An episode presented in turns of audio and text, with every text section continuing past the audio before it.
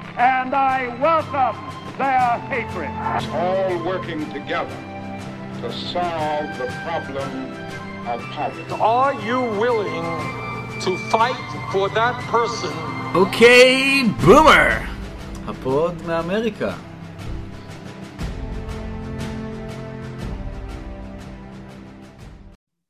אוקיי, בומר! פרק 43, והיום אנחנו נקדיש את הפרק לאמריקאי עשיר, ימני, תומך שוק חופשי, שעשה הרבה מאוד כסף uh, בהייטק. היום אנחנו נדבר על נפתלי בנט, uh, The Man of the Hour, האיש שהולך להיות uh, לשון המאזניים ככל הנראה בבחירות הקרובות ממש, וכדי לדבר על נפתלי בנט ועל ההשפעות האמריקאיות שלו ושל הימין הישראלי, uh, אנחנו uh, מארחים היום באולפן אורח שהוא למעשה בן בית, אביעד מומינר רוזנבלום, איש קרן ברל כצנלסון, מנהל המדיניות וחוקר בקרן, שמאחורי הקלעים גם מסייע לנו בהפקת אוקיי בומר מהפרק הראשון. אהלן אביעד ואהלן אלי. אהלן אהלן, שמח להתארח. בשמחה, בשמחה. זה קרה, הייתי אומר, כמעט שנה מאוחר מדי. אבל אולי כל עכבה לטובה, כי באמת אנחנו מקליטים את הפרק הזה בעיתוי פוליטי, אומנם מקומי, אבל מאוד מעניין. באמת במיוחד ככה כשנפתלי בנט צובר איזשהו מומנטום מחודש בסקרים, חוזר לדו-ספרתי יציב, עם אספירציה בעיניי הזויה להיות ראש ממשלה, מציג את תוכנית סינגפור, הדמוקרטיה הנאורה של מזרח אסיה, ש, שבה, כפי שנפתלי בנט אומר, כולם שם חיים כמו בגן עדן, והיום, כאמור, אנחנו נדבר, בעצם ננסה לנתח את ההשפעות של הימין האמריקאי הניאו-ליברלי הקיצוני על הימין הישראלי, בעצם מאז שנפתלי בנט נכנס לחיים הפוליטיים וכבש בסערה את המפד"ל ב-2013, ואפשר לומר שבשנים האלה הימין הישראלי עבר אמריקניזציה, או שמא עליי לומר רפובליקניזציה, השתלטות של כוחות אידיאולוגיים ניאו-ליברליים, לטעמי קיצוניים, בשילוב סדר יום שמרני, פטריארכלי, גזעני. אפשר לתת את פורום קהלת כמשל, והשפעתו הרבה על עיצוב רעיונות הימין הישראלי. אפשר גם לומר שבמובנים מסוימים זאת מסיבת התה של הימין הישראלי, ומי שמוביל אותה מבחינה פוליטית בשבע, שמונה שנים האחרונות זה נפתלי בנט, דתי, אמריקאי, לוחם בצבא, הייטקיסט עשיר, תומך השוק החופשי, כל עוד לא מדובר במדינת הרווחה של המתנחלים ב, ביהודה ושומרון, ובעל עמדות ימין מיליטריסטי עם ניחוחות פשיזם שאיילת שקד כנראה נוהגת לפזר סביבה. זהו, אולי עוד קודם, אלי, אם תרצה לדבר קצת על החדשות מהיממה האחרונה בארצות הברית? כן, שלום לכולם. אז רק נעדכן, דיברנו על זה באמת מספיק אתמול, אבל בפרק הקודם, אבל חבילת התמריצים עברה, 1.9 טריליון דולר. הליברלים בהחלט מציגים את זה כניצחון, ובאמת לא צריך לזלזל, זו חבילה עם הרבה דברים טובים, אגב, לא הזכרתי את זה בפרק הקודם, אבל העלאה די משמעותית של קצבת הילדים בארצות הברית, שאמורה אומנם רק לשנה, כמו כל דבר בחבילה הזאת, הכל טווח קצר, כלומר, אחת הביקורות שלי יש זה שלא ברור אם יצא מזה איזשהו משהו ארוך טווח, או שזה פשוט פלסטר, אבל בכל זאת עלייה משמעותית של הקצבת ילדים, עלייה משמעותית מאוד של ההוצאה הציבורית, הכסף הזה ילך בעיקר למדינות ולבתי חולים ולבתי ספר ולתשתיות שמתפרקות בארצות הברית וכולי, אבל כמובן אנחנו יודעים שבסופו של דבר לא היה בזה את העלאה של השכר המינימום, אה, ו- וזהו, אני חושב שבתור אה, חבילת תמריצים ראשונה זה טוב, אה, למרות שאני גם לא כל כך מסכים עם ההתלהבות של החבר'ה ככה מהצד הליברלי של המפה, כי בכל זאת צריך להסתכל, שאם אני משווה את זה לחבילת תמריצים הראשונה של טראמפ והרפובליקאים הקיצוניים, אז, אז קודם כל, שלהם היה יותר גדול, 2.2 טריליון. כמות הכסף שהגיע, התוספת שנתנו למובטלים היה פי שתיים, במקום 300-600. אה, כלומר, אה, הם גם, אה, בחבילה הראשונה הזו, הם בעצם עשו דברים, הרפובליקאים דווקא, שכאילו הוציאו, היו מחוץ לקופסה, שזה בראש הראשונה לחלק צ'קים לכולם, שזה באמת היה רעיון שאף פעם לא ממש נעשה בארצות הברית. ומה שמעניין זה שהדמוקרטים לא ממש בכלל חשוב מחוץ לקופסה פה, כלומר אין פה שום דבר שאני יכול להצביע עליו שיגיד, או, oh, זה רעיון חדש, כלומר כן. הם די הלכו עם הזרם שטראמפ ואחרים uh, uh, הכתיבו, אז uh, שוב, אני מאוד שמח שהחבילה הזו עברה, אבל אני קצת לא מסכים עם הנרטיב הבאמת, במיוחד בקרב הליברלים, לא בקרב השמאלנים בארצות הברית, שרואה ב, שהם קצת באופוריה בימים האחרונים. אני חושב שלציבור האמריקאי שהולך לחוות את ה... אה, את החבילת תמריצים הזו היא טובה מאוד, אבל הם גם יגידו, עצמם, טוב, אה, זה בערך מה שקיבלתי מטראמפ לפני שנה, אז בואו לא, בואו לא ניסחף. זה לא, לא בטוח אם אני מעמד פועלים, זה מה שיעביר אותי לצד השני. כן. מה זה באמת שונה גם מהתוכנית של טראמפ? כי ראיתי שהם כן התגאו ש... כן. הולך לאחוז, העליון, לאחוזון העליון ויותר כסף... לא, לא, ההשוואה הזאת הייתה מאוד מטעה. האנשים מחלקים בימים האחרונים השוואה בין אה, קיצוץ מיסים לעשירים שטראמפ עשה, הם כאילו אומרים, זה החבילה הראשונה הכלכלית שטראמפ עשה, וזה החבילה שלנו. הם משווים בעצם בין, באמת, הקיצוץ מיסים הביזיוני של טראמפ בתחילת 2017, שזה כמובן היה, אה, אתה יודע, פשוט זה מה שהמפלגה הרפובליקאית עושה, שהיא עולה לשלטון, אה, היא מקצצת במיסים. אז, אז, אבל אם אני משווה אותו לחבילה של, חבילת החילוץ הראשונה, אז, אז יש הבדלים. הרפובליקאים לא אוהבים להעביר כסף ל... אה, למדינות, ל states, ופה יש תקצוב מאוד משמעותי של ה states.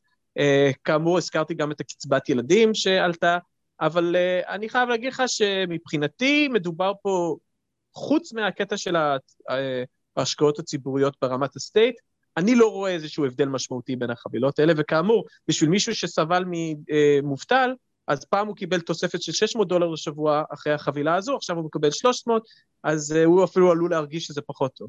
אה, וגם נורא חשוב, שכחתי להגיד, אה, אה, ביידן צמצם את כמות האנשים שיקבלו צ'קים. יש בערך, קשה להגיד כמה, אבל כנראה יש עשרה מיליון אנשים שקיבלו צ'קים מטראמפ ולא יקבלו צ'קים מביידן כי הם מרוויחים יותר מדי, הם בעצם העלו אה, אה, אה, את הרף. וראיתי שהם התגאו בזה אגב. כן, והם התגאו בזה. כן, הוא מזכיר קצת את הנרטיב שהיה פה בארץ, אבל אה, שמע, אני, אתה יודע, היה עכשיו ויכוחים בארצות הברית, אה, האם אה, מישהו שמרוויח 150 אלף דולר הוא עשיר או לא, אבל אני חושב שמה שהדיונים האלה מפספסים, זה שאנחנו לא באמת יודעים מי מרוויח מה. כי בשנה הזאת של הקורונה, לא ברור כאילו מי איבד את העבודה שלו, מי לא. האמריקאים עוד לא מילאו את התפיסי מיסים של ה-2020, כלומר, הכל מתבסס בעצם על נתונים שהם לפני המשבר. אז כאילו, יכול להיות שמישהו באמת הרוויח יפה ועכשיו הוא מובטל לגמרי. אז כאמור, אני לא חושב שזה רעיון חכם שאנשים יקבלו צ'קים אה, מטראמפ ולא מביידן, אה, אבל אה, זה, זה גם היה חלק חשוב. כן. אמ, אני תוהה אגב, האם ועד כמה, לפי נניח תוכנית סינגפור,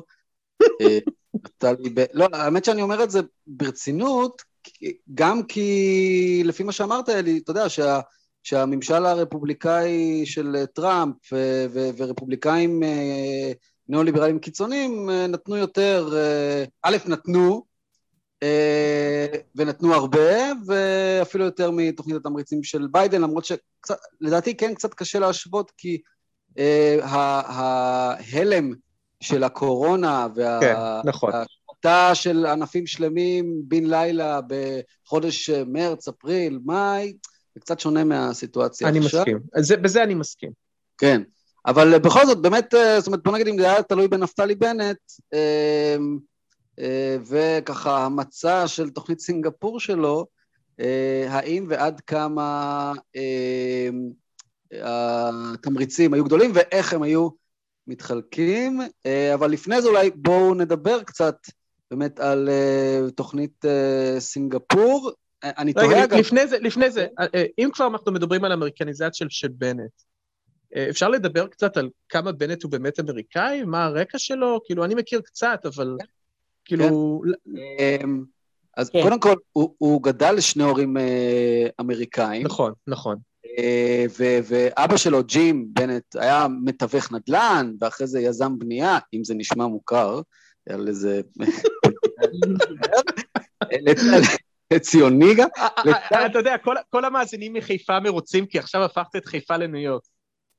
אה, הלוואי, תשמע, יותר כמו סן פרנסיסקו נראה לי. אה, הם גם, אה, הם גם, אה, משפחת בנט אה, אה, גרה בסן פרנסיסקו אה, אה, אה, גם לפני. אה, הסבא וסבתא של בנט היגרו לסן פרנסיסקו מפולין, ואז הם עלו לישראל, זה מין, אה, ואז חזרו, ו... ובכל מקרה, אה, אז אה, אבא של בנט היה אה, יזם בנייה, וגם גייס תרומות לטכניון כשהם גרו בחיפה.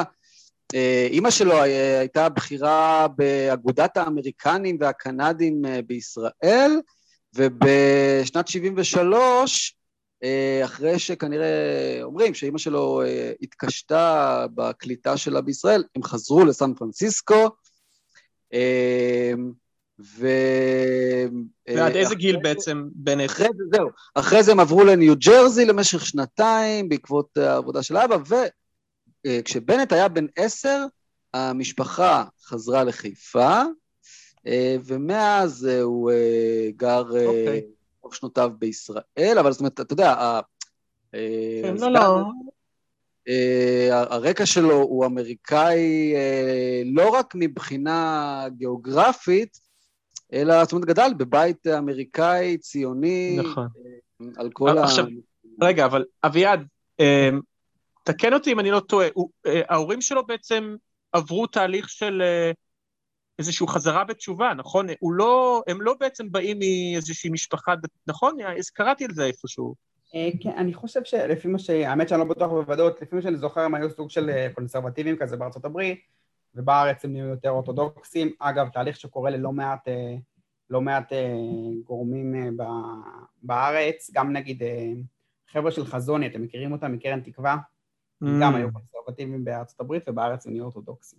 מעניין. טוב, זה זה לא מפתיע, כלומר, בתור מישהו שעלה לארץ וההורים שלי חיפשו פה איזה בית כנסת קונסרבטיבי שנוכל ללכת עליו, זה לא קל למצוא. כן, זהו, אין ממש. קהילה קונסרבטיבית, אז לפעמים פשוט מסתבכים ככה ל- ל- לחברה הדתית-לאומית ונכנסים פנימה. נכון. אה, אז באמת גם אבל, מצוי... אבל היית, רגע, אני רוצה לעמוד על הנקודה הזאת, כי אני חושב שהיא חשובה. הי- הייתם אומרים אז שבגלל שהוא גדל במשפחה בעצם חילונית, אני רואה פה שהם היו כאילו, אפילו לא חברה בקהילה קונסרבטיבית, לפי הוויקיפדיה, חברה רפורמית, עמנואל, בית כנסת אה, סופר סופר סופר כאילו ליברלי רפורמי בסן פרנסיסקו, זה, זה מעניין, זה, זה, זה, זה, זה, זה דווקא מתחבר לי, כי אני מרגיש שבנט הוא כזה אחד שיכול לרקוד על שני החתונות כזה, נכון? הוא גם יכול להיות ה... הכאילו דתי, לאומי, אורתודוקסי, שמרן, אבל הוא גם יכול כאילו להיות, אה, לגור ברעננה, להיות הייטקיסט, אה, אשתו חילונית, כאילו... לגמרי. יש פה איזה משהו. אני חושב שזה מה שהוא רוצה לעשות, והחיים Mm. שלו באמת כאלה, בנט הוא לא איזה יותר מדי אה, מחמיר ודוס מאוד, ובאמת אשתו חילונית וגם הילדים שלו לא נראה לי, לא רבנים במיוחד, אבל אה, הוא היה רוצה... אני לא בטוח שהוא מצליח. מה זאת אומרת שהוא לא מצליח? תסביר. אני חושב, הוא היה רוצה באמת שאנשים, ל- שהכיפה, תראה, הכיפה שלו קטנה, כמעט לא רואים אותה, הוא חלק מהתקופה גם Mm. הסתיר אותה, הוא היה רוצה ל- להיות כלל ישראלי כזה, אבל הוא באמת לא כל כך מצליח, והוא כל פעם, מהרבה סיבות, הוא תקוע כאילו בתוך הציבור דתי-לאומי, וגם בסוף תמיד חוזר. אה, מעניין. אז אה, אתה אומר ש-the little kippa הוא כזה, זה סימבולי, it's- it's holding him back. כלומר, יש כן. פה... אגב, אני- הייתי אומר אותו דבר על ליברמן בגלל שהוא רוסי. כלומר, אה, בסופו של דבר, הציבור שהוא הולך לראשי ממשלה רוצה אשכנזי ישראלי ככה אני מסכים, אני ממש חושב, אני חושב שכיפה היא מחסום שלו, שקשה לעבור. מרתק, כן, אגב, גורמים. כמו יועז הנדל, אני לא יודע מה ה-Q מצוות שלו, אבל בוא נגיד שהוא גדל בבית דתי, והילדים שלו לומדים בבתי ספר דתיים, אבל הוא בלי כיפה. מעניין, מאוד מעניין. אה, אבל, גם תסכים איתי, רגע, אני מצטער שאני ממשיך על זה, פשוט נורא מעניין. כי once you have the כיפה, you can't really go back, נכון? אם, נכון. פתאום בנט עכשיו יתחיל להסתובב בלי כיפה, זה יהיה... כן, זה כולם בעייתי, נכון? בזה גם, וכולם ידברו בדיוק, על זה, בדיוק. זה- כן. נכון. אוקיי, זהו, אני אשתוק עכשיו.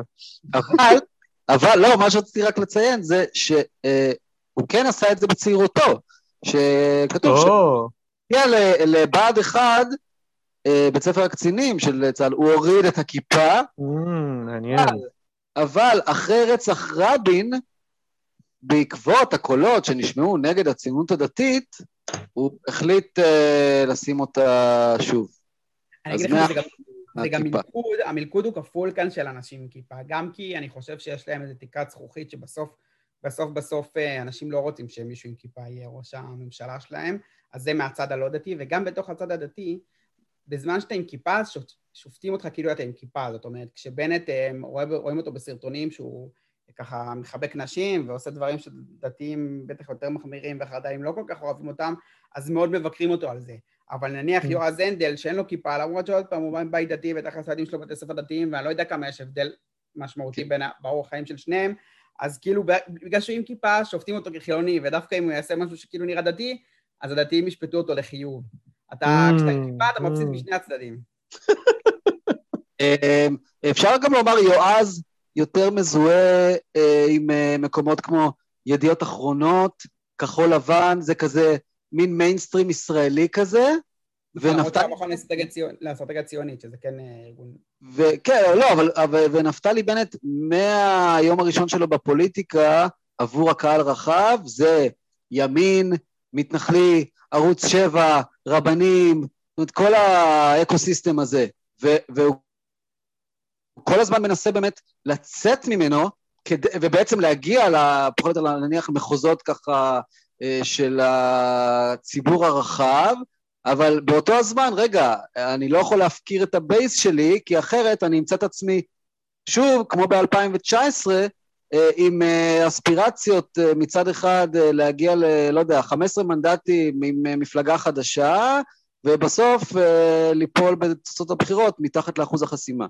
הסיפור שלו הוא טרגדיה, אני באמת חושב, טרגדיה פוליטית, כאילו, אני מאוד מאוד מאוד לא אוהב את, ש... את המדיניות שהוא מקדם, אבל אין ספק שהוא אדם אה, מוכשר, ו... וגם חכם וגם משקיען ועושה את מה שהוא רוצה עד הסוף, אבל הוא כל פעם נופל במקומות האלה, הוא פשוט כאילו... בהתחלה הרי כשהוא נכנס לפוליטיקה, אנשים לא זוכרים, הוא בכלל הקים תנועה, קראו לזה ישראלים, מה ישראלים? כן. לפני שהוא נכנס לבית היהודי מפד"ל, הוא הקים תנועה, ראתה שהיא תהיה תנועה כלל ישראלית, ואז מהר מאוד הוא הבין שמאוד מאוד קשה לבנות משהו מחדש בלי בייס, בטח כשאתה לא מוכר, והייתה לו הזדמנות ככה לעשות, אה, להשתלט על השלד הבורסאי של, אה, של אה, מה שהיה לפני זה המפד"ל והשתנה להיות הבית היהודי, אז הוא, אז הוא השתלט עליו, והוא קיווה שהוא יוכל לעשות לו בעצם איזה מין אה, המרת דת להיות מפלגה כלל ישראלית כזאת, אבל זה כל פעם מחדש, הוא פונה לציבור הישראלי, ואז הציבור הדתי כועס עליו, ואז הוא פונה בחזרה לציבור הדתי, והחילונים בורחים ממנו, והוא כאילו פשוט כל מערכת בחירות קורה בדיוק בדיוק אותו דבר. עכשיו, כן. לא יודע, הסקרים האחרונים קצת נותנים לו אולי יותר תקווה, אני לא יודע מה יהיה בסוף בפועל, אבל... ביבי ישתה לו כמו שביבי תמיד שותה לו. כן, אני נראה. מסכים שזה כנראה לא- מה לא- שיקרה, לא ואני. חושב שבמידה רבה, אגב, הוא היה מת לעמוד ב... להיות במקום גדעון סער. תכף זה מה שהוא... Mm. אה. תחליף ליכוד יותר ליברלי, קצת יותר ממלכתי כזה, ימין מובהק, זאת המפלגה שהוא באמת היה רוצה, הוא לא צריך את כל הבית היהודי ואת כל ה... להתבחבש בתוך, בתוך הציבור הדתי, זה לא באמת מה שמעניין אותו. וחשוב אה, חשוב אה, לומר שהפעם לדיסוננס הנניח דתי-חילוני אה, שוליים לעומת אה, אה, מיינסטרים אה, מרכזי, נוספה עוד שכבה כזאת של דיסוננס, שזה, רגע, מצד אחד, אני אתקוף את ביבי, ובכל מדיום אפשרי, ועל במת הכנסת, ואני אגיד איך אתם לא מתביישים, ואיזה ממשלה מנותקת ורקובה, אבל אני אסרב לומר אם אני מתכוון להמליץ או לא על נאשם בפלילים שמחודש אפריל המשפט שלו הולך להתנהל שלושה ימים בשבוע בעיצומו של משבר באמת חסר תקדים. כן, עוד פעם, הוא בבעיה, הוא כל פעם מיטלטל בין שני דברים, והוא צריך לאזן בין ה... הוא לא מצליח להגיד דברים מוחלטים, אתם זוכרים את הפעם הזאת שהוא איים שהוא יצא מהממשלה, אני כבר לא זוכר איזה ממשלה זאת הייתה, הוא עשה מסיבת עיתונאים עם אה, איילת שקד, הוא איים, הוא יצא לממשלה, לא נתנו לו תפקידים, לדעתי שר הביטחון, לא נתנו לו כלום והוא לא יצא מהממשלה, הוא יצא... ניסה לאיים על נתניהו וכשל לגמרי בזה, הוא בבעיה נפתלי בנט, כאילו, אני חושב שהוא בתכלס הוא ועוד הרבה אחרים, מבחינתם מתחממים על הקווים ומחכים שנתניהו יצא מהזירה, ואז כולם יישארו בחזרה לליכוד וינסו להשתלט עליו. כן, אני רק אגיד- אה, אני רק כן, אגיד ש... כן. לא, לא, תגיד, דבר. אה, רציתי להוסיף עוד דיסוננס אחד, וזה המקום הנפשי מול אה, ביבי בפרט ומשפחת נתניהו בכלל. אה, נפתלי בנט קרא לבן הבכור שלו על שם יוני נתניהו. זה לא... זה לא רק העניין הזה שבנט עבד אצל ביבי ואחרי זה ככה התכסח עם שרה וכו', זאת אומרת, יש שם, אמ, יש שם עניין הרבה יותר עמוק, אמ, שאני חושב אה, בגללו, במובן מסוים, ילד, אה, אה, בנט טיפח לעצמו מוניטין של ילד כאפות, כי באמת, ביבי מכפכף אותו, משפיל אותו, אה, מש... מייבש אותו באופוזיציה אחרי שבנט חתם לו על הבלוק אה, הלכאורה הזה, ובסוף בנט לא מסוגל לבוא ולומר, זמנו של ביבי תם, אני לא מתכוון להמליץ עליו. מספיק שהוא היה אומר את הדבר הזה, וזהו, ביבי היה גמור. אנחנו היינו היום במצב שכל הסקרים מראים, גוש נתניהו זה סביב ה-48, וגוש אנטי נתניהו זה סביב ה-70. זה נכון, אבל א', אני באמת חושב שמבחינה נפשית, כמו שאמרת, ברור שבנט מעריץ את נתניהו והוא הדמות לחיקוי שלו, והוא נתניהו בקטן כזה, כן? חצי סקס אפיל אמריקאי כזה, תדמית של אה, מין מישהו מצליחן ומצוחצח, שהיה בסיירת בצבא, ברור שהוא הדמות שלו, וכלכלה מאוד ימנית, הוא הדמות שלו לחיקוי בתכלס, והוא מישהו מעריץ. הוא גם תקוע בהקשר הזה בעניין הפוליטי, כי בציבור הדתי-לאומי עדיין יש לא מעט שאוהבים את נתניהו, למרות שצריך להגיד שגם יש עליו ביקורת, אבל בכל זאת יש בייס משמעותי שעדיין רוצה אותו. והדבר השלישי זה שגם בנט, אה, בדרך הזאת שהוא עושה עכשיו, שהוא כאילו לא אומר שהוא לא רוצה את נתניהו, הוא משמר את עצמו בתור לשון המאזניים הזאת, ואם הוא יגיד שהוא כן רוצה אותו, הוא כאילו יאבד את המקום הזה. אז מבחינת משחק פוליטי יכול להיות שהוא עושה בחוכמה, אז נצטרך לראות ביום mm. שאחרי הבחירות. אני רק אגיד עוד דבר אחד לגבי זה, בנט עשה טעות לדעתי, כאילו הבנתי למה הוא עשה את זה בזמנו, אבל uh, הוא חשב שהקורונה ישחק לידיו, אבל לי היה ברור שבמרץ uh, אף אחד לא הולך להצביע כי המצב של החיסונים, כלומר כל הקטע הזה שהוא הוציא את הספר בקורונה וזה, זה לא, זה לא עוזר לו עכשיו. Uh, אבל רציתי לחזור לדיון אמריקניזציה. אביעד, יש לי שאלה. ביבי, אנחנו יודעים, שנים מקיף את עצמו באמריקאים עשירים, זה חלק מאוד חשוב גם מהכוח הפוליטי שלו, זה גם סיבך אותו לא מעט. האם בנט יש אותה, כאילו, אה, ככה, קבוצה של אה, אמריקאים, יהודים אה, עשירים, אורתודוקסים או לא, ש, שככה הוא עובד איתם, או שפחות? הוא קצת פחות מחובר להון מאשר נתניהו, כי אתם יודעים, הון מתחבר לכוח, ואין לו כל כך הרבה כוח כרגע, אז... גוד פוינט, גוד פוינט. אבל יש לו דווקא הרבה הון. אבל, אבל, אבל ברור שהוא כן, תראו, בסוף, זו שאלה לא רק על בנט. יש שאלה מאוד משמעותית, שאולי קצת נדבר עליה אחרי זה, מה קרה לציבור הדתי-לאומי שהוא כל כך, כל כך uh, עשה פנייה חדה ימינה. תראו, היה ב... בוא נדבר על זה עכשיו, בוא נדבר על זה כן, עכשיו. אז תראו, היה סקר, נדמה לי ב-2014 של המכון הישראלי דמוקרטיה, שהוא בדק עמדות uh, חברתיות כלכליות בציבור הדתי-לאומי, 2014 ו-2013 לדעתי, ומה שהוא מצא שם שהציבור הדתי-לאומי, העמדות שלו יותר סוציאליסטיות מהציבור הכללי. לא mm-hmm. בהמון, אבל באופן מובהק יותר סוציאליסטיות מהציבור הכללי.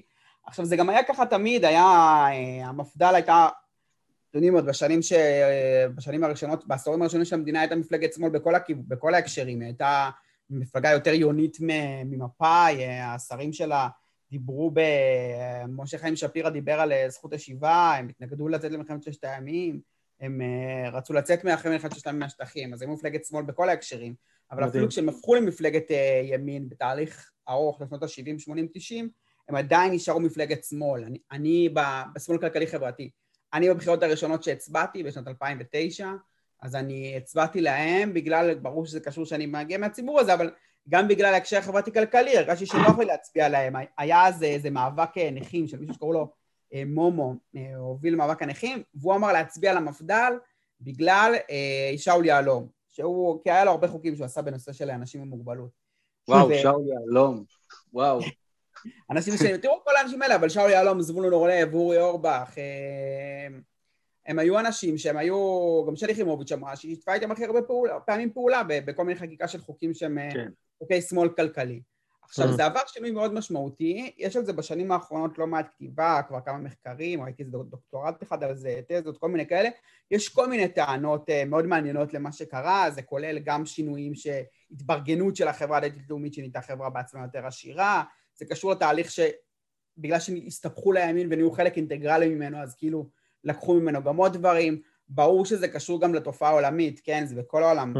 אנשים הלכו ימינה כולל בישראל, אז, אז זה קשור גם לזה. אני חושב שאחת הסיבות שפחות דיברו עליה, וזה באמת קשור ישירות לבנט, זה באמת ההשפעה האמריקנית. אני, אין לי מספרים על זה, פעם בדקתי, אבל אני לא, לא בטוח שספרו את זה, אבל זה מאוד קל לראות, אפילו מסתכלים במטוסים של עולים מארצות הברית, בעשור, שניים, שלושה האחרונים, רוב העולים זה דתיים. כאילו, כן. הליברלים, הרפורמים הקונסרבטיביים, או הלא מזוהים היהודים, לא עולים לארץ. כן. לא, לא מאוד נשארים שם, ותכלס רוב העולים הם, אה, הם, הם מסתבכים לציבור הדתי-לאומי. ובסוף החברה האמריקאית היא חברה מאוד, אה, מאוד קפיטליסטית, ו-. והם משפיעים עליו בצורה משמעותית. יש השפעה מאוד Mm. מאוד משמעותית של האמריקניזציה הזאת על הציבור הדתי-לאומי, שנפתלי בנט הוא, הוא דוגמה אחת לה, להשפעה הזאת. אה, דוגמה אולי מאוד בולטת לה, אבל הוא לא היחיד. הרבה, הרבה מהאנשים שאתם רואים שמדברים בצורה מאוד, אה, מאוד אה, ימנית כלכלית חברתית הם אמריקאים. אגב, גם משה קופל לדוגמה. פייגלין. פייגלין. פייגלין כמובן, נכון. כן. זה- אני, פעם הייתי אני- בכנס, אני פעם הייתי בכנס ושם אותי על פאנל עם איזה פרופסור לכלכלה מאריאל, והוא היה כזה מילטון פרידמן קיצוני, והוא היה, כאילו דיבר במבטא אמריקאי, עשה את הדוקטורט, כלומר, גר בהתנחלות, כלומר, זה, זה, כן. זה כל כך נכון מה שאתה אומר. תסתכלו, כן. יש כנס, בשבוע הבא יש כנס השמרנות הישראלי השני. נכון. הוא עוסק בעתיד של ארה"ב וישראל, אז כן, אז זה בסדר שהגיוני שיהיה באמריקאים, אבל סתם מבחינת פרופורציות, עשיתי איזושהי ספירה, יש שם 32 דוברים, 20 מהם אמריקאים, וואו. ומתוך ה-12 הישראלים, וואו. חצי הם בעצם אמריקאים. גם מתוך הישראלים, חצי הם בעצם אה, נולדו בארצות הברית, חיים על הקו כזה וזה. תראה, ואגב, גם גדי טאוב, שהוא ישראלי, אה, חי שנים בארצות הברית, והוא כאילו מאוד ככה שאב את ה... ברור, ברור, לי, ברור לי שגדי טאוב עבר תהליך של אמריקניזציה גם, למרות שהוא ישראלי נכון. לגמרי. זה הכי מצחיק, אגב, בטענה שלו על ניידים ונייחים, כאילו, עשה לי טובה, בן אדם, זה מהאנשים האלה של פורום קהלת וקרן תקווה, יש שם קשר-. זה אנשים שכל לומר- של ארה"ב וישראל, שהם שייכים לתנועות, אני, אני, הם, הם חלקם הם ראשים של ארגונים בינלאומיים של כל מיני ארגוני ימין כלכלי כזה שמרני ול- וליברטריאני, כאילו, באמת, זה, זה נייחים, זה פשוט בדיחה, באמת. אה, יש, יש כשל כפול בתזה של אה, גדי טאוב. מה הוא הרי אומר? אני אגיד את זה רק ככה בשני משפטים. מה הוא אומר?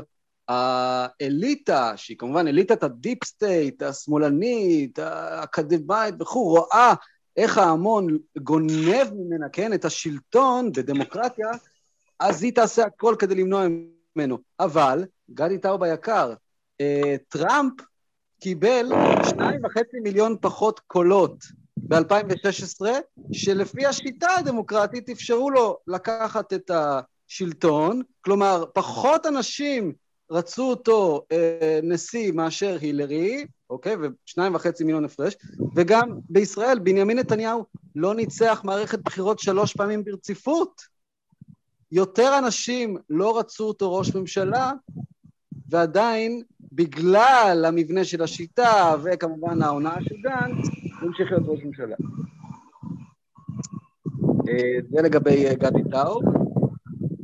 שאני אה, עדיין בהלם מהנתון הזה שנתת על האחוז האמריקאים פה. זה... אגב, לא. פה אני רוצה לתת shout-out לאורי אפנצלר, שהוא תלמיד דוקטורט שלי, שכותב ממש על זה, על האמריקניזציה של הימין, במיוחד ברמה הרעיונית בשנות ה-80, כל ה-think tanks האלה שמגיעים, וככה, אבל זה נתון מדהים, מה שאמרת. תראה, זה גם, זה גם בדיחה, הרי ה- כאילו שמרנות, זה, זה שאלה גדולה מה, מה, מה זה בעצם שמרנות, בסדר, ומה היא כוללת, וכתבו עליה רבים וטובים ממני, אבל ברור שיש לשמרנות אפקט משמעותי שהיא אמורה להיות מקומית.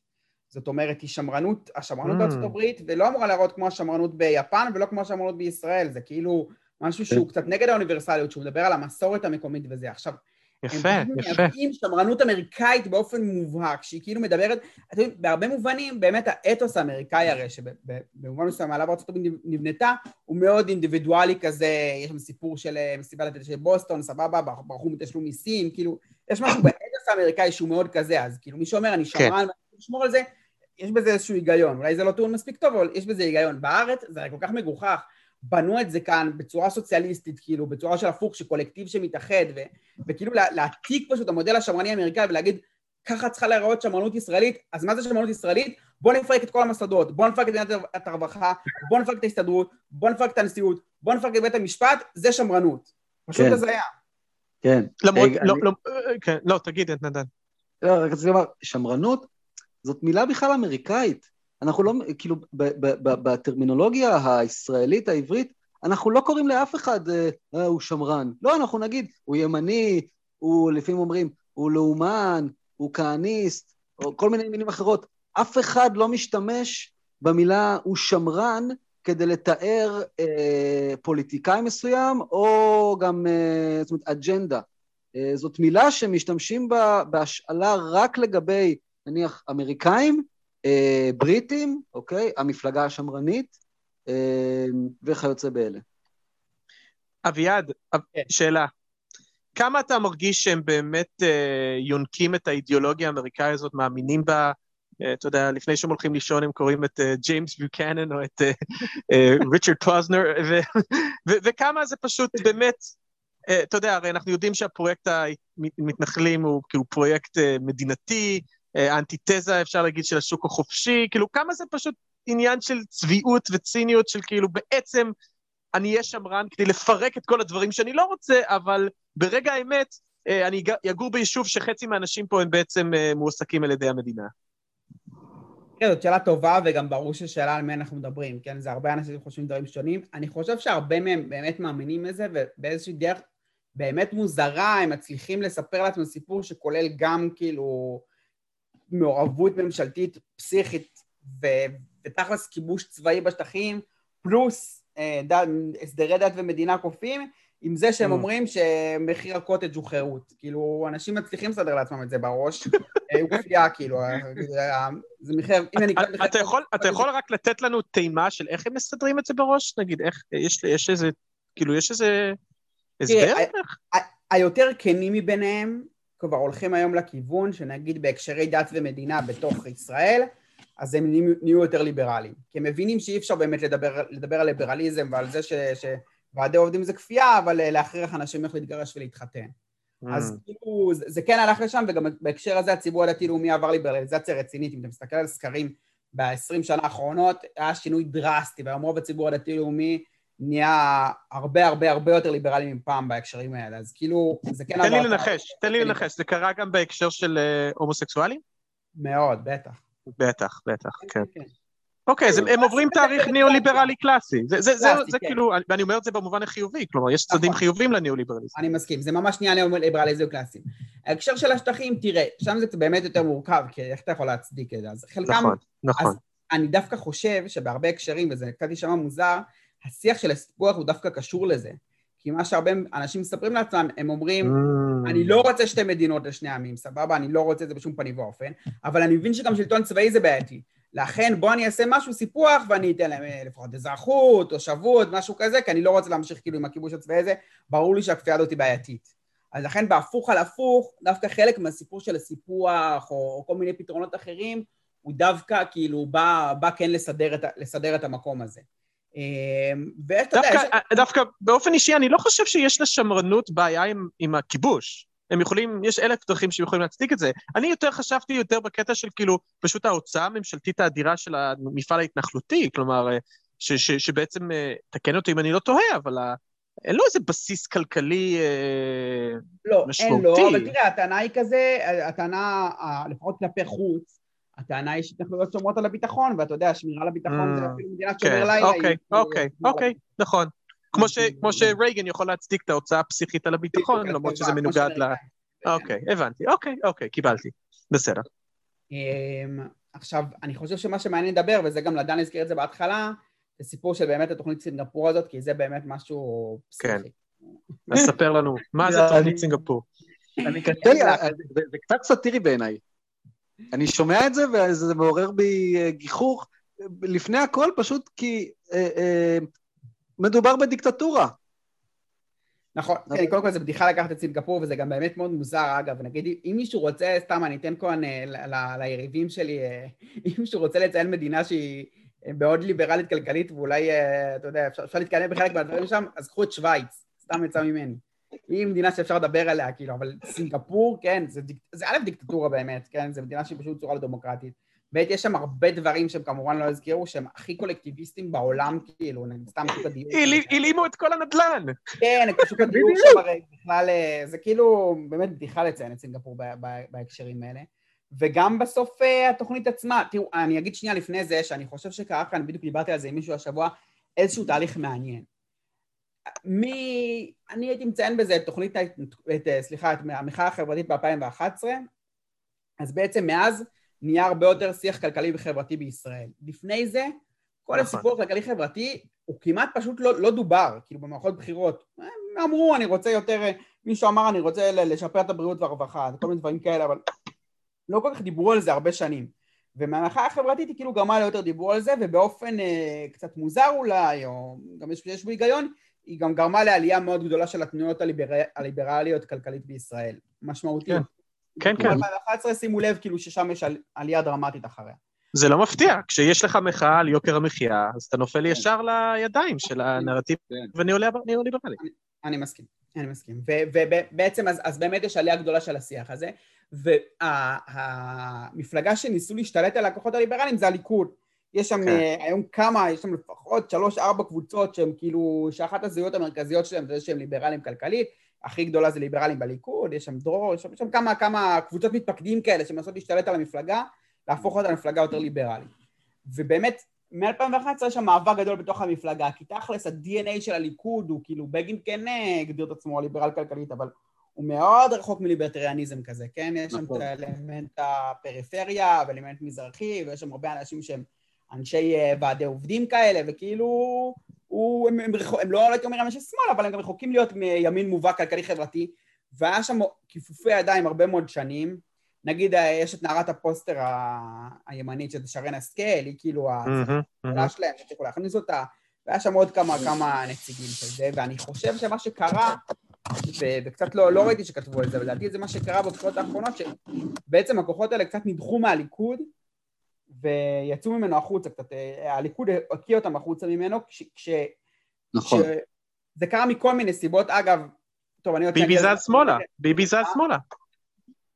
כן, נכון, נתניהו, נתניהו בעצמו מאוד זז שמאלה, לפחות בהתנהלות שלו, יש שם אנשי, אה, אתם יודעים, חיים כץ, איש ועדים מובהק, ויש שם עוד כמה שקשורים לוועדים וכל מיני כאלה. אה, ובעצם עכשיו גדעון סער בתקווה חדשה ובנט מתחרים על הכוחות של הליברלים. כן. אני רק אגיד בהקשר הזה ששימו לב, לא סתם לפני אה, כמה חודשים היושב ראש ההסתדרות הודיע שהוא עוזב את מפלגת העבודה, אחרי שבאופן היסטורי mm. כל יושבי ראש ההסתדרות היו שייכים למפלגת העבודה, פתאום הנוכחי שהוא היה חבר במפלגת העבודה הרבה שנים הודיע שהוא יוצא ממנה, כי כבר... וואו. אין לה, כוח, אין לה כבר כוח, אז לא, לא, לא שווה להיות בה. נכון. היום חלק נכון. גדול מאוד מראשי הוועדים הם ליכודניקים, מירי רגב, שמעתם שהיא הלכה אחרי שנתניהו פלט את הדבר הזה בפגישה של השולמנים נגד ההסתדרות, היא הלכה להיפגש עם ראשי ההסתדרות ואמרה שאנחנו נעשה פנקס, פנקס כחול במקום פנקס אדום. כאילו יש שם תהליך... זה, אגב, זה, זה דברים מדהימים, הלוואי שזה יקרה. כן. אני אשמח כל כך אם ראש ההסתדרות יהיה ליכודניק. וואו, כמה שאני אשמח. לא, באמת, אני אומר את זה ברצינות. אני כן. מצטער, אבל כן. כאילו, אני מבין שאני שם אתכם כאילו, אבל כאילו, אתה יודע... לא, אה, כי זה בעצם, מה שאתה אומר, אלי, זה אה, קצת כמו מה שאומרים, שבסופו של דבר, אה, הימין מיישם את המדיניות של השמאל, נניח אומרים את זה על המישור המדיני. בסוף בדיוק, הימין בדיוק. מחזיר שטחים, בדיוק. בסוף הימין חותם על הסכמי שלום. עכשיו, כמובן, בהינתן זה שזה לא יהיה, אתה יודע, איזה גימיק, אלא באמת איזשהו שינוי עומק בגישה כלומר, ברור, אני לא מדבר פה על איזו הצגה פוליטית, אבל, אבל אם באמת, ואני, אני לא אתפלא, אני חושב שזה תהליך שקורה הרבה שנים, אני כבר, אני, אני יצא לי לדבר על זה גם בתוכנית הזו, על כאילו המפל... הליכוד עם הנהגי מוניות, שעצרו את בובר וכל מיני דברים אחרים, כלומר, זה לא... כן. נכון, אני, אני מבין מה אתה אומר, וזה בטח, בטח כשמסתכלים על הכוח של השמאל עכשיו, זה לא טוב שזה רק משהו כאילו קיצ... שולי ורדיקלי. הוא יהיה, הוא ישלוט באיגודי העובדים, וחשוב שגם לפחות נציגות... תראה מה זה, אני מביא את אביעד ברל כצנלסון אה, לפודקאסט, ובסוף אני, הלוואי שהראש ההסתדרות יהיה... לא, לא, אני לא אומר הלוואי שזה, אמרתי לפחות שיהיה להם שם כוח משמעותי, אני כאילו, זה עצוב לי שזה המצב, אבל ברור לי ש... שיש בזה משהו, אה, זה, זה תהליך טבעי גם, זה כאילו היה ברור שזה יקרה בסוף, זה, זה, זה, ואולי זה גם חלק, ואולי זה גם חלק טבעי פשוט בהשתלטות על מוקדי כוח. כן. הליכוד הוא מפלגת שלטון כבר אה, בטח אה, ברצף, וכבר עשרות שנים, כן, ותחת ביבי, באמת, אני חושב שבעצם הקו המנחה של הליכוד זה תאוות כוח, יותר מכל דבר אחר. ואז אה, במובן מסוים לא, לא מפתיע אותי שאוקיי, אה, אה, ההסתדרות והוועדים גדולים הם, הם, מוקדי כוח, שאגב, חלק מהאנשים שלהם, גם באמת אנשים שמובילים ועדי עובדים, הם ליכודניקים. והם לא רואים איזושהי סתירה, אוקיי? באמת, לא כן. ממש להיות לא ספרתי, אבל... להיות איש שמאל ולעוד את מכבי. כן. נכון, נכון, אני חושב אבל. לא, לא, דבר, דבר רגע. לא, אני אומר, ואני חושב שבאמת חלק מזה, אז פשוט האנשים הליברליים בליכוד ראו את זה וראו שכבר הרבה שנים המאמצים שלהם לא, לא עוזבים ובעצם גם תכלס דחקו אותם החוצה ובהרבה מובנים המפלגה של גדעון סער היא מובהקת לזה, זה אנשים שהם כאילו uh-huh. יותר ליברלית מהרבה מובנים ממפלגת הליכוד, גם יותר קצת ממלכתיים כאלה, uh-huh. קצת יחס טיפה יותר מוזר מערכת המשפט, הם באופן מובהק אה, ליברליים כלכלית ואולי טיפה שאשא ביטון מקלקלת את זה, אבל לפחות כל השאר שם הם כן כאלה ואני חושב שעכשיו מה שקורה, שבנט וגדעון סער פשוט נאבקים על אותם מנדטים שתכלס זה פשוט לא כל כך הרבה אנשים.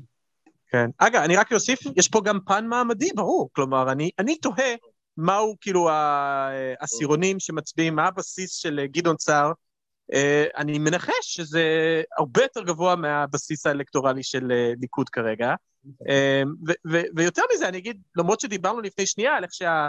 הדתיים והלאומיים עברו ימינה, אבל ההרגשה שלי לפחות, גם עם התוכנית סינגפור ובכלל, שבנט וסער עושים את הקטע הזה של הליברליות והימין הקיצוני, דווקא למשוך את ההייטקיסטים, דווקא למשוך את הכאילו חבר'ה, כאילו שאתה יודע, שונאים את החרדים ורוצים להפריט הכל, וזה כאילו איזושהי דרך לעשות את זה בלי כאילו בעצם לדבר נגד כאילו הדת, דת, דתיים וכולי, אז, אז יש פה כל מיני תהליכים מעניינים לדעתי.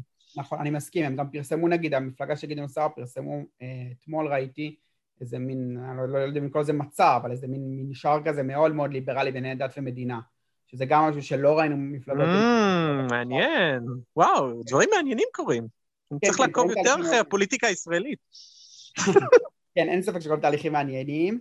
אה, ואני חושב, אגב, הם פרסמו, אני כן צריך להגיד שבתוכנית הכלכלית-חברתית שגדעון סער פרסם, יש בה אלמנטים מאוד ליברליים, אבל גם יש בה אלמנטים אחרים. היא קצת, היא מנסה להיות לא... לא יותר מדי. אני הופתעתי לטובה. כן, נכון, נכון, יש שם הרבה דברים, זה כזה קצת, אה, אתה יודע, מין מיינסטרים ישראלי כזה, קצת לא אוהבים איגודי עובדים, לא אוהבים יותר מדי רגולציה, וגם רוצים שירותים במיקור חוץ, אבל כן רוצים שהמדינה תשקיע הרבה בחינוך. כן, אני אתקן, כן, באתי עם אפס ציפיות שחשבתי שעידן ארץ הוא זה שכתב את הזה, ופתאום אני קורא את זה, וזה אומר לי, זה דווקא הראה לי כמה שהימין חלש. כלומר, אני קורא את זה, ואני גם רואה את הפרסומות, גם התראיינתי בכלכליסט על זה, אמרתי לשם, שימו לב מה, מה גדעון סער בחר לשים על האוטובוס, להעלות את הקצבאות של הזקנה. כלומר, אני מרגיש שברגע כן. אה, האמת שאתה עושה את הסקרים הפנימיים, אה, כל החלקים של עידן דה ארץ זרקו אותם לפח, כי אמרו, תקשיב, אף אחד לא רוצה את החרא שלך. כן. נכון. אני, אגיד, אני רוצה להגיד עוד דבר כללי, זה גם הסיפור של קמפיין בחירות, או, או מצע כלכלי לבחירות, כי בסוף אתה רוצה להגיד נכון. לאחים, אתם, אני, אני גם אתן לכם כמה שיותר, ואני גם אקח מכם כמה שפחות. אז אני גם נכון. אוריד מיסים, ואני גם אעניק לכם אה, אה, הטבות סוציאליות, מה שתרצו, מה שתרצו, העיקר תצביעו לי. אחרי זה אני אגיד, יש גירעון מטורף, יש משבר כלכלי, חייבים לקצץ, אה, חייבים להדק את החגורה, פשוט אנחנו חייבים לבחור מה אנחנו מצילים. כן. זהו. נכון, אגב, אגב, מה שאמרת זה גם בקטע הפוך, אבל גם בתוכנית של, של בנט, כן? זה חלק מהבדיחה בה, כאילו אשכרה, אשכרה אומר, הוא מוריד את המיסים בצורה פסיכית, והוא אומר שההכנסות של המדינה יהיו כפולות, כאילו, וזה זה פשוט הזיה, באמת, זה... זה...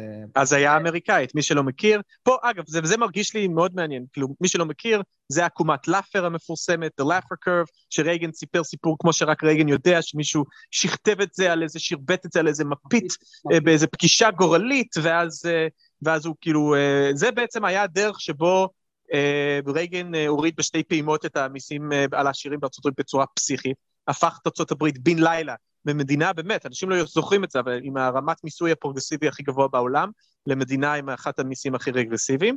אה, וזה מדהים לראות את בנט עושה את זה 40 אה, שנה אחרי זה, שברור, אה, אתה, אביעד, עושה עבודה מדהימה של כאילו להראות אמפירית איך שאפילו הכלכלנים מתעצבנים, באמת, אני מכיר כלכלנים די ימנים שהתעצבנו על הקטע הזה. זה פשוט, אבל...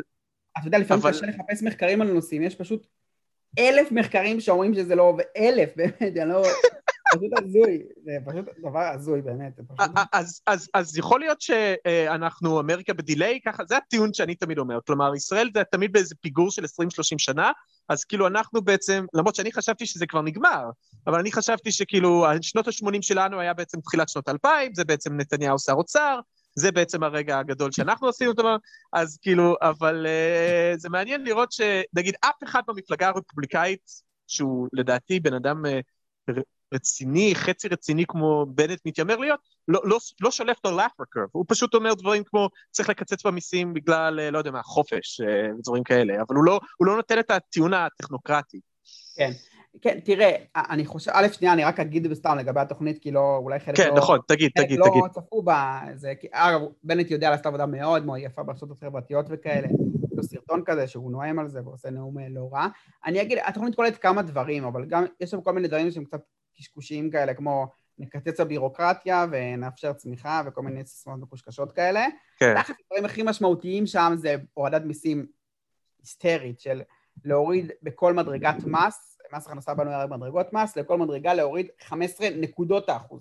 זאת אומרת, וואו. המדרגה העליונה בישראל היא 50 אחוז, להוריד ל-35. המדרגה של 35 יורדת ל-20 וככה למטה. להוריד מס חברות מ-23 אחוז ל-15 אחוז. הנקודות הכי דרמטיות. אה, וגם לעשות, לא, לא לגייס אנשים חדשים במקום כאלה שמתפטרים אה, במשרדי ממשלה, ולהילחם ב, להילחם ב, בארגוני עובדים. עכשיו, כשאתה בודק את המספרים, קודם כל, הוא פשוט, בנט כאן מציע מתנה הזויה לעשירים ולעמידים, כן? כאילו, לככה, בוא נגיד 100 עשירונים, 8, 9, 10, פשוט הזוי, כי עשיתי איזשהו חישוב, לפי, ה, לפי ה, הנתונים שהוא כתב, לפי ההורדה שהוא מתכנן, כמה בעצם זה ישפיע על הכיס של, ה, של הישראלים. אז מי שמכניס שכר מינימום שאומר על 5,300, שזה עשירונים, שכר מינימום פחות כמובן, 1 עד 3, הוא פשוט לא ירוויח שום דבר, בסדר? כי כבר היום ישראלים, לא, ישראלים שמכניסים שכר מינימום בעצם לא משלמים מס הכנסה, כי בנקודות זיכוי וכאלה, אז הם לא צריכים לשלם כלום. אז הוא לא ירוויח כלום. מי שמרוויח שכר חציוני, שהיום הוא 8,000 שקל, וזה כמובן עשירון 5, כי זה החציוני, הוא יכניס בסך הכל 200 שקל נוספים בחודש, בסדר? מכל ההורדת מיסים הזה. אבל כשאתה כבר עולה למעלה, מי שמרוויח 15,000 בחודש, העשירון 8, הוא כבר מכניס 1,400 מדי חודש, ומי שמרוויח 25,000, הוא בעשירון עליון, יכניס כמעט 3,000 נוספים מדי חודש. זה פשוט מתנה לעשירים, כאילו, זה מה שבנט עושה, זה פשוט באמת מטורף, זה, זה הופך, זה כאילו גם מתוחכם אגב, כי הוא כאילו מוריד לכולם ב-15 נקודות האחוז. ככה תמיד עושים את זה. ככה רייגן גם עשה את זה. כולם קיבלו קיצוץ מיסים.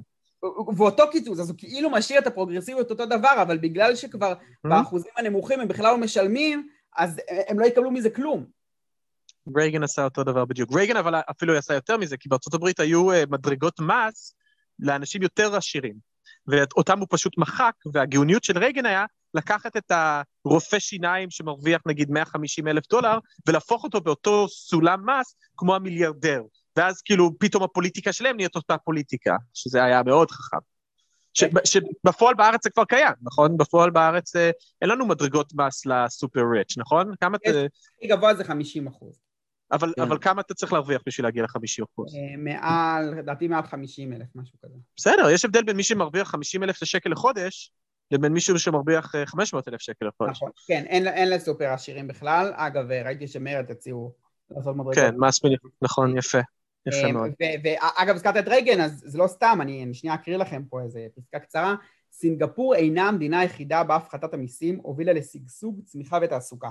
מרגרט תאצ'ר בבריטניה ביצעה הורדת מיסים מואצת ואגרסיבית, והצילה את מדינתן מפשיטת רגל, ודחפה את הממלכה כולה לעתיד של מודרניזציה ושגשוג, ולא רק תאצ'ר. בארצות הברית של שנות ה-80, הנשיא רייגן הציג באותו עשור רפורמה דומה במהותה, והזרים דם חדש בעורקי כלכלת ארצות הברית. אז הם, אה, המקורות ההשראה פה הם לא מתחת לפני השטח, הם על השולחן, כן? הוא פשוט רוצה כן. להחזיר אותם ל-80. ל- כן. אה, אגב, אה, לא, דבר נד. רציתי רק לומר, לגבי תאצ'ר, המדיניות הכלכלית אה, שלה ושל השמרנים הייתה כל כך מוצלחת, שברגע שהיא אה, ירדה מהזירה הפוליטית, הלייבור אה, עלה לשלטון, ובעצם השתלט עליו עד אה, לאורך אה, כמעט 20 שנה. עד בעצם אה, דיוויד אה, קמרון. בוא נשים את הלייבור הזה במרכאות. נכון, בסדר, אפשר לומר, נכון, טוני בלייר, ניאו-ליברל וזה, לא, אבל עדיין, הרי היית לא, מצפה... כי, כי, לא כי, כי טוני בלר וקלינטון הלכו על קטע שדווקא הם חשבו שהרייגן בניו- וזה, הם, הם, כן, הם הרגישו צורך כן כאילו לפזול ימינה. כן, אבל- הדבר הגדול אבל- שבעצם... יש הבדל אבל בין לפזול, לייבור שפוזל ימינה, לא, בסדר, בסדר, ברור, ברור. שמרנים, גם קיצוניים. תשמע, תאצ'ר באמת הייתה קיצונית. כן, לא, לא, חושב- ברור, ברור. אני חושב, אלי, דווקא זה חשוב מה שאמרת, כי הרי תכלס הדבר הכי משמעותי שרייגן ותאצ'ר עשו זה שהם שינו את הקונצנזוס. כאילו זה לא, ראש ממשלה יכול לעשות מדיניות כזאת או אחרת, ואחרי זה גם מישהו יחליף אותו ויכול לשנות אותה, אבל עד אהה. אליהם אפשר להגיד שהקונצנזוס של ה post-war economy היה מהמם, מהמם, מהמם. מדינת רווחה כזו או אחרת, והם, והם שינו אותו. עכשיו, אני חושב שבנט פשוט אין שום סיכוי שהוא יצליח לממש כלום מהתוכנית שלו, לא, בגלל גם... שהקונצנזוס כבר השתנה. כן, חושב- כן, אנחנו מדברים על זה, וזה חשוב שנדבר על זה. אני רואה את זה יותר כאיזשהו תרגיל פוליטי בשביל לקשש בהצבעות של אה. הייטקיסטים אה, עשירים בתל אביב, ש... שכועסים שמשלמים אה, מיסים גבוהים, בשביל, דווקא בשביל מפעל ההתנחלות, שזה די אירוני. אגב, זה גם לא, זה גם לא, כן. לא ישתנה, יפה. זה לא ישתנה גם בגלל הקונצנזוס וגם בגלל משהו אפילו עוד יותר חשוב, שבסוף אגף תקציבים, אין שום סיכוי בעולם שהוא יתמוך בדבר כזה. ו- וברור לכולם שהם הגוף הכי חזק בממשלה, וכדי... יפה. לא שבלתי אפשרי להילחם בהם, אבל זה מאוד קשה וצריך להיות הראש ממשלה מאוד חזק כדי לעשות את זה. ואגף תקציבים, הגביע הקדוש להם הרי זה הגירעון ומגבלת. ההוצאה והנומרטור וכל זה, והדברים האלה, בגלל שכלכלה, בסוף את החישובים הרגילים הם, הם כן יודעים ומכירים, ברור להם שזה ירסק את ההכנסות של המדינה ויקפיץ את החוב לדברים מסתיים, כן. ולכן הם התנגדו לזה בכל תוקף, פשוט אין לזה שום סיכוי בגלל ההקשר הזה. וחשוב לי- נדבר על זה, אבל... אה, אבל חשוב לי להגיד בהקשר הזה, הסיבה שרייגן היה נשיא פופולרי בשנות ה-80, יש כמה סיבות לזה, אבל אחת הסיבות היא שאומנם הוא מקצץ בטירוף במיסים, אבל הוא מגדיל את ההוצאה הציבורית, כלומר הוא פשוט מנפח את הגירעון בצורה פסיכופתית. כלומר, כמו כל- רייגן... כמו כל נשיא רפובליקאי, אגב, מגדיל את הגירעון. בדיוק, כמו, בדיוק, כמו כל הרפובליקאים. כלומר, רייגן לא באמת מאמין באידיאולוגיה שהוא דיבר עליה. הוא היה מס, פוליטיקאי מספיק חכם להגיד, מה, נראה לך שאני הולך להיות האידיוט שמקצץ בהוצאה הציבורית? מה, השתגעתי? אני יודע שהוצאה ציבורית זה משהו שאנשים אוהבים. אז, אה, אז נכון, שבאים אחריהם. בדיוק, בדיוק, מה שבאתי להגיד, משאירים את זה, בדיוק. אז, אז, אה, אה, אז בהקשר הזה, אני, אבל אני מסכים איתך שישראל זה עולם אחר, אגף התקציבים, זה לא עובד כמו בארצות הברית, אה, זה, זה, לא, זה לא יקרה בחיים. כן. אביעד, רציתי לשאול שאלה. כן. לגבי ההערה האחרונה שלך. עוד יש אגף תקציבים באוצר? תראה, תחת הורדוס? זה נכון לא, שהוא עשה מלחמה הירואית, אני חייב להגיד, עם כמה שאני לא מחבב את על כך, עבודה מאוד בעייתית, אבל הוא עושה נגדם באמת מלחמה, לא, לא, לא ראיתי עוד דבר כזה נגדם, ובאמת אתה זה אומר, לא האידיוט השימושי אני שומע. את אבי שמחון ברדיו ואת ישראל כץ, שכולם הם באמת כאילו הכי עבדים נרצעים, סליחה על הביטוי של נתניהו, וכאילו פשוט אומרים אמן לכל מילה שלו בצורה פשוט לא, לא נעימה כמעט, אבל, אבל הם צודקים, כאילו בסוף הדברים שאומרים במשרד האוצר הם פשוט צודקים, ו... ועוד פעם, לא נעים להודות בזה, אבל הם, הם חלק גדול מהדברים שאומרים כרגע הם דברים נכונים, וחלק מההתעקשות שלהם נכונה, וחלק מה...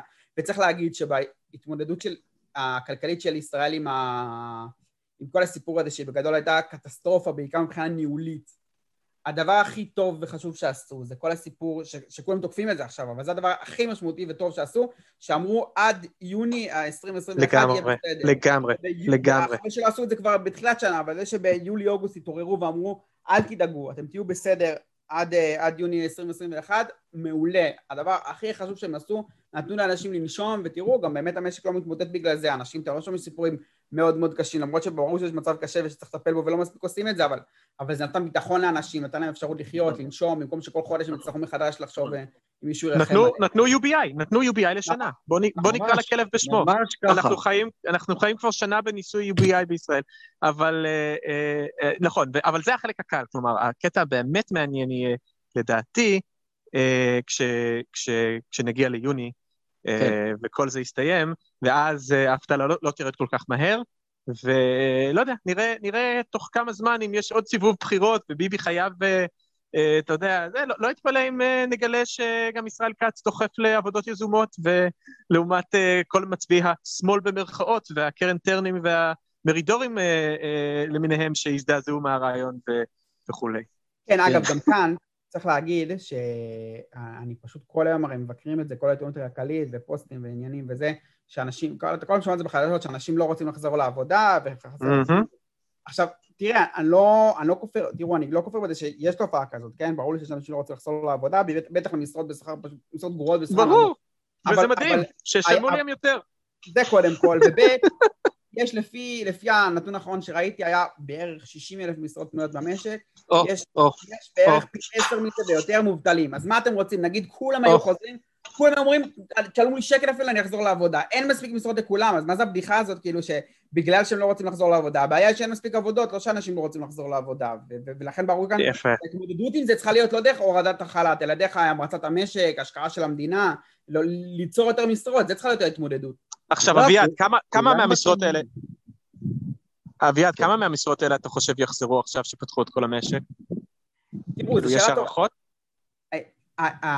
בסקרים הקודמים חזרו אחוז די גבוה, כאילו, ב, אני, אני חושב שבפיק הכי נמוך היה בערך 200-300 אלף מובטלים, כאילו, כשלדעתי שחזרנו מהסגר הראשון או השני. אני לא יודע כמה יחזרו עכשיו, זה קשה, זה קשה להגיד, אה, כן, אף אחד לא כן. באמת, באמת באמת יודע מה יקרה עם זה. ברור, ברור. אה, אני, אני, מה שכן צריך להגיד, שאם זה נתניהו ראש ממשלה, אין שום סיכוי שהוא יחזור על מה שהוא עשה ב-2013, שריסק אחרי זה את הליכוד. שום סיכוי שהוא יפגע בבייס שלו, ובסוף חלק גדול מהמובטלים זה אנשים שהבייס שלו ומצביעים לו, הוא יפגע בהם וירסק את דמי האבטלה. השאלה היא, האם כאילו, אני מאוד בעד החל"ת, כן, אבל אני חושב שכמובן זה לא מספיק, ולטווח ארוך זה לא, זה לא פתרון, כאילו, ואני חושב שצריך באמת לעשות, להמריץ את המשק, להשקיע, להגדיל את ההשקעות הממשלתיות. זה קצת יהיה קשה יותר לנתניהו לעשות את זה, ואני לא... כן. הלוואי, אבל אני לא, לא יודע איך זה יקרה. מעניין. הוא יכול לעשות את זה מגזרי. אולי הייטק לפה לשם. הוא יעשה, הוא יעשה כל מה שצריך בשביל uh, ההישרדות הפוליטית, אישית, uh, משפטית, משפחתית שלו. כל עוד, כל מה שצריך בשביל לא לצאת מבלפור. Uh, טוב, אנחנו מתקרבים לקראת סיום, uh, ויש לי שאלה למה שנקרא חברי הפאנל, איפה יהיה נפתלי בנט עוד שלושה חודשים? אביעד, אתה רוצה שאני אקח את זה? לי יש השאלה. תשובה ברורה. לא, זו שאלת הש... אני למדתי לה... להמר על פוליטיקה, זה בטח בישראל בשנים האחרונות זה דבר מאוד מאוד מסוכן. אתה יודע, זה, זה מדהים, כאילו, זה יכול להיות תחזית ריאלית, כאילו, זה בבית, ותחזית ריאלית באותה מידה זה ראש הממשלה. בכזה, ככה, כאילו, כש... שתיהם איך שניהם ראש ריאליים מאוד? לדעתי. איך ראש ממשלה? כי הוא... כי הוא יכול להחזיק, אתה יודע, זה תלוי כמה יצא אחרי זה, הוא יכול להחזיק את כולם ב... שהם כן. יהיו- תלויים בו ויהיה לשון המאזניים, והוא יעשה רוטציה עם מישהו, זה יכול לקרות. רוטציה שהוא הראשון? מדהים. תראה, בגלל שהוא לשון המאזניים, תלוי כמה מנדטים גם יהיו לו, אם, אם כרגע הוא במגמת עלייה. אם הוא יסיים כאילו על 15 מנדטים, למרות שאני מאוד פיקפקתי בזה בהתחלה, אני הימרתי שהוא יאמר על פחות מעשרה. אבל אם יקרה נס והוא יסיים עם uh, מספר דו-ספרתי שהוא יותר קרוב ל-15, זה, זה יכול לקרות, אני חושב. זה סיכוי קטן, תראו, אני- רוב אז הניחוש שלי, הניחוש כן. שלי זה שביבי הולך לשתות לו את כל המנדטים, הוא ירד, והוא ילך כמו טאטלה לממשלת ביבי, והוא יהיה שם... אה, לא, אה, הוא לא- לא- הוא לא מספיק אה, אמיץ להיות שר אוצר, כי הוא פוחד, אה, אז אה, אולי הוא גם חכם. אה, אני אגיד שהוא יהיה שר הביטחון, אה, אולי, אולי זה מה שהוא רוצה, קצת ביטחוניזם, משהו כזה. אה, אבל זה כמובן במקרה שביבי והוא ביחד זה 61, שזו כן. השאלה הגדולה. יש לי, יש לי רעיון בשביל בנט, שילך להיות שר חוץ, ושהביקור הראשון שלו... אה, אה. הוא. אין, אין כזה דבר שר חוץ יותר, התפקיד הזה לא קיים בישראל. אה, זה, זה קצת כמו נשיא המדינה, זה נהיה תפקיד סמלי. מתי פעם אחרונה שמעת את השם גבי אשכנזי? טוב, זה, זה סיפור אחר. למרות זה- דווקא, שומע נפרד. מבפנים הוא קצת שיקם את המשרד דווקא, עשה שם עבודה לא רעה, אבל ברור שזה, התפקיד הזה מאוד ירד מגדלותו, למרות שכאילו מבחינת בנט דווקא זה הימור לא רע שהוא ילך על זה, הוא הוא יעוף על זה, אתם יודעים איך הוא ייהנה לדבר באנגלית, להיפגש כל היום עם כל מיני אנשים חשובים, להיות כזה... כן, להביא, לכאן את, את, אה, להביא לכאן את נשיא ד- אה, סינגפור הדמוקרטית וה... אבל זה לא. שנים להיות שר חוץ, עם ביידן בראש ממשלה זה לא שנים להיות שר חוץ. זה גם לא זה- שנים להיות שר אוצר, זה שנים להיות שר ביטחון. כן, נכון. אה, אה, תראו, זה, זה ברור גם, אני כאילו, כשאני רואה סקרים, ברור שאני סופר אותו עם, עם הגוש של נתניהו, כאילו אין, שום. ספק, אם יש 61 ברור. ויותר להם ביחד, הוא הולך לנתניהו, זה, זה בכלל לא, לא, לא שאלה. באמת יהיה קצת יותר מעניין אם זה לא יקרה. אז, כלומר, אם לא- אתה מדמיין סיטואציה בעצם, אז, אז תן לי, תן לי להבין, אתה אומר מצב שבו אפשר להגיע, לא, אני לא רואה איך זה קורה. יש מצב שאפשר להגיע ל-61 בלי הערבים, אבל עם בנט, סער, כל מפלגות אה, זה, רק. לא ליכוד, יש כזה סיטואציה? ברוב הסקרים, כן. ברוב כן. הסקרים זה מה שקורה. אה, כן. ואז אתה מדמיין, אה, מה, לפיד, רגע, אבל יש לנו פה בעיה, כי לפיד, אתה תצטרך רוטציה משולשת, כי... נכון, כי- לא, תראה, זה, זה, קצת, זה קצת מופרע כאילו, אבל הכל כאן מופרע, והם כולם מאוד מאוד רוצים להעיף את נתניהו, כולם יש להם אינטרס גדול להעיף אותו. אה, פעם הייתי אומר שאין שום סיכוי בעולם, היום יש סיכוי רגע. למה אתה אומר יש להם אינטרס הריאלית, ל- אגב, זה עוד בחירות. זה הסיטואציה רגע. למי יש אינטרס? לגדעון סער יש אינטרס להעיף את נתניהו, ליברמן בנט. אנחנו יודעים שיש לו אינטרס להעיף את נתניהו, לפיד זה... כן, לבנט. יש אינטרס? הוא רוצה להחליף מה זאת אומרת? הוא רוצה להיכנס, בנט הוא ליכוד, הוא סתם תקוע שם הרי, כי היה לו אבל אביעד, איך אתה יכול. להיות איך אתה יכול להיות ההוא שתוקע את הסכין בגב ואז מחליף אותו? זה זה לא... לא זה לא עובד ככה. אה, זה אבל- בדיוק המלכוד, אלי. למה זה לא, לא? אבל לדעתי זה ברור איך מחליפים את ביבי, פשוט מחכים. כאילו... אה, פשוט מחכים, אה, ככה. אה, אני המדינה מזכיר לך, אני מזכיר לך בכמה נשיאי ארצות הברית האחרונים, אה, נכון, נכון.